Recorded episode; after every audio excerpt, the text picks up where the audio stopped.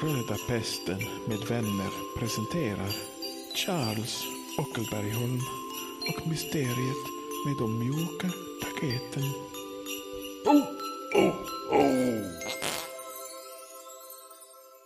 Charles och Pirko avslöjade den falska tomten och träffade den riktiga falska tomten nere i fängelsehålan. De tog sig igenom tomtelasern och kom nu ut på marknaden igen.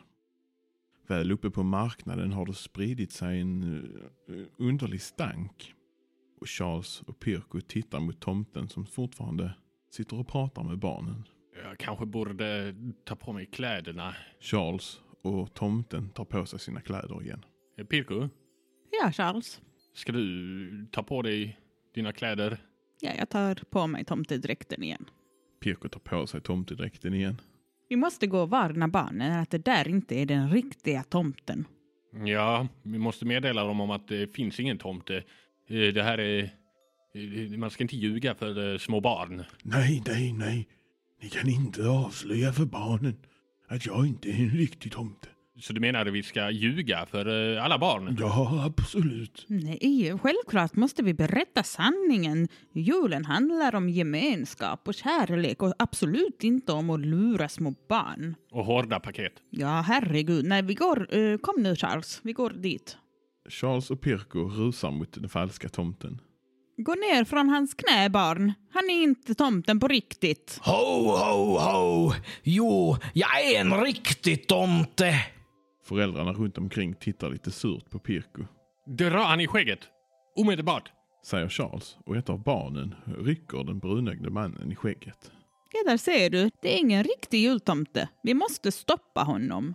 Föräldrarna tittar fortfarande ganska surt på Pirko. Förstår ni inte att han, han ljuger för er? Charles rusar fram och drar av den falska tomten hans skägg. Tomten reser sig upp och säger Ni kommer aldrig kunna förstoppa mig! Den falska tomten trollar fram liksom skit i händerna och börjar kasta det i ansiktet på föräldrarna till barnen. Jag hade rätt hela tiden. Tomten finns inte, era små situngar. Den falska tomten förvandlar den stora granen till skit som rinner ut över hela torget. Han springer iväg till stånden och gör om dem till bajsstånd. Allt choklad i chokladhjulet förvandlas till bajs och de som står och äter på chokladet, de spottar ut skitet. Det finns bara ett sätt att stoppa honom. Jag, jag, jag vet inte. Säger Charles och drar upp sin pistol och börjar avlossa en massa skott mot den brunögde mannen. Akta barnen, akta barnen.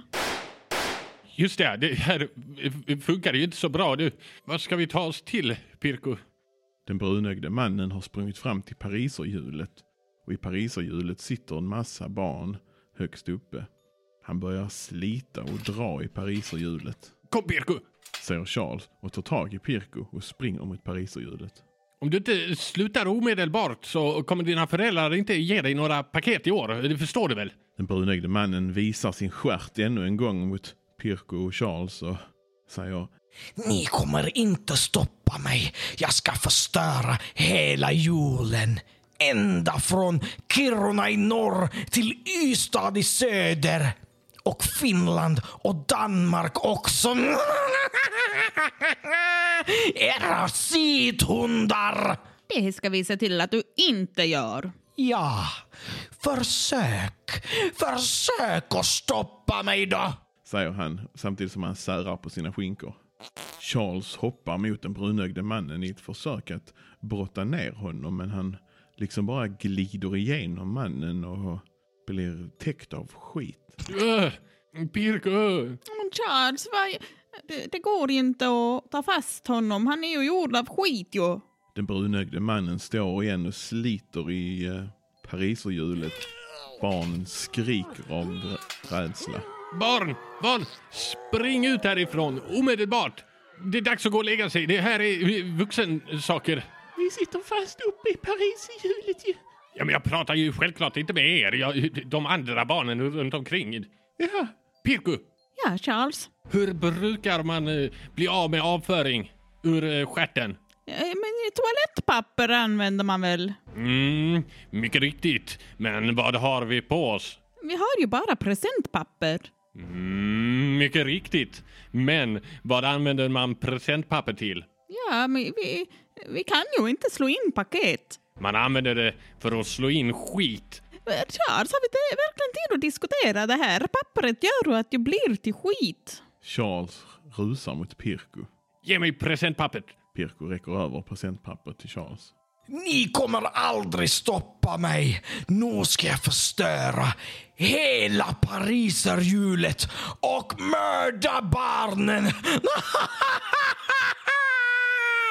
Här ska det inte mördas barn. Här ska barnen vara glada och få hårda paket. Säger Charles och hoppar emot den brunögde mannen ännu en gång. Denna gång med presentpappret utfällt framför sig. Charles fångar den brunögde mannen i presentpappret och börjar slå in honom. Pirko, jag vet inte riktigt hur man slutför det här med paketinpackning och så vidare. Kom hit med snöre. Genast. håll, håll fast honom, Charles. Jag kommer och, och knyter in honom där. Charles och Pirko slår in den brunögde mannen. Och just som Pirko sätter den sista snörrosetten runt paketet så försvinner allt skit i hela marknaden. Det blir tyst och stilla och snön börjar falla igen över marknaden. Charles, vi lyckades! Säger Pirko och hoppar upp i Charles famn. Ja, vi- mycket riktigt. Vi, vi lyckades. All skit är försvunnen, Charles. Ja, och du är i min fa- eh, Och du, du och jag klarade tillsammans. Helt själva. Utan hjälp från eh, någon annan. Jag hade aldrig klarat det utan dig. Nej, grevinnan av Huaröd. Det här, det här kommer gå till historien. Ja, det gör det. Oh, oh, oh.